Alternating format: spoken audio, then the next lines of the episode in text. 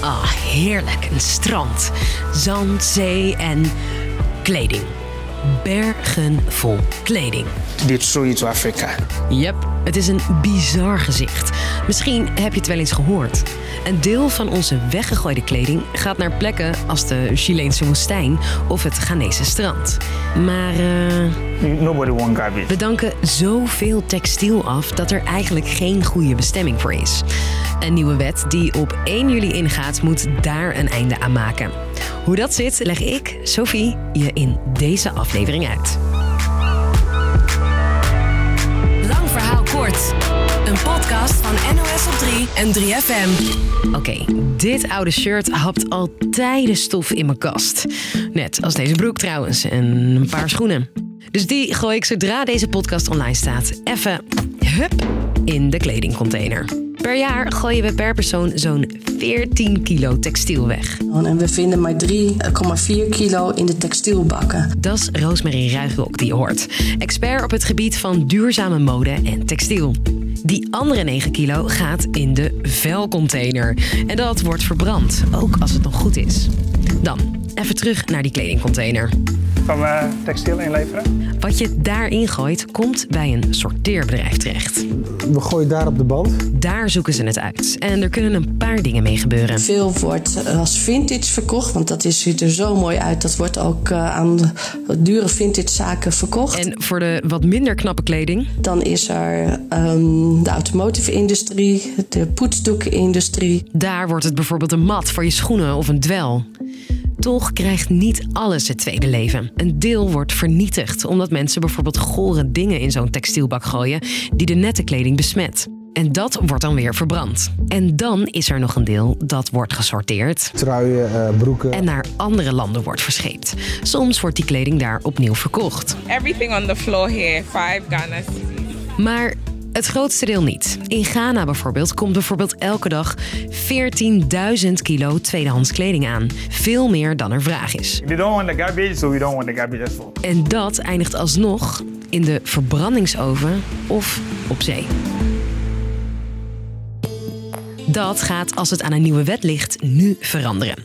Kijk, nu is de gemeente nog verantwoordelijk voor die kledingbakken, vertelt textielexpert Roosmarie. Per 1 juli worden merken, maar ook retailers verantwoordelijk voor de textiel die geproduceerd wordt, wat ze op de Nederlandse markt brengen. Dat houdt allereerst in.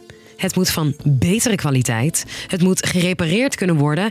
En als je het afdankt, niet in een vuilcontainer. Dat het dan ook naar, op een goede manier wordt afgedankt en dat het niet verbrand wordt. Dat betekent dat je straks en soms zelfs nu al je kleding kunt inleveren bij sommige winkels. Eh, we hebben de container sinds september vorig jaar. Mensen zijn hier eh, vast klant in de winkel en nemen dan de oude kleding mee. De wet, de zogenoemde uitgebreide productenverantwoordelijkheid, ofwel de UPV, maakt alle bedrijven die in Nederland textiel verkopen zelf verantwoordelijk voor het inzamelen, sorteren, hergebruiken of recyclen van afgedankt textiel. Omdat we nog te veel textiel in de restafval vinden.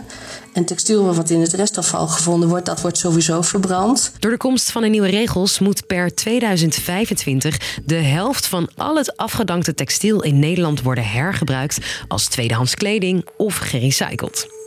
Per 2030 moet dat drie kwart zijn. Deze regels gelden trouwens alleen voor grote merken en beursgenoteerde bedrijven. Maar toch scheelt een bergkleding in onder meer Ghana. H&M, yes, Adidas, yes, Nike, yes, Mark Spencer. You are causing harm to Ghana, yeah.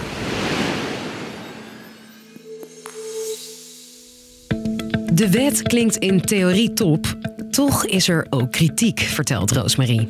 De kritieken die we horen zijn dat men bang is dat er nu zoveel textiel wordt ingezameld dat dat niet verwerkt kan worden door de sorteerders. Dat is één. Onze verwerkingssystemen zijn er nog niet helemaal klaar voor. Dus dikke kans dat er komende tijd zelfs nog meer textiel in bijvoorbeeld Ghana terechtkomt. Want meer bakken, meer textiel, maar het kan nog niet allemaal worden gerecycled. Ja, en we moeten even door die zure appel heen bijten. Een ander kritiekpunt is dat het nog vaag is wat de consequenties zijn als merken zich niet aan de regels houden. En sowieso recyclen, repareren en terugnemen.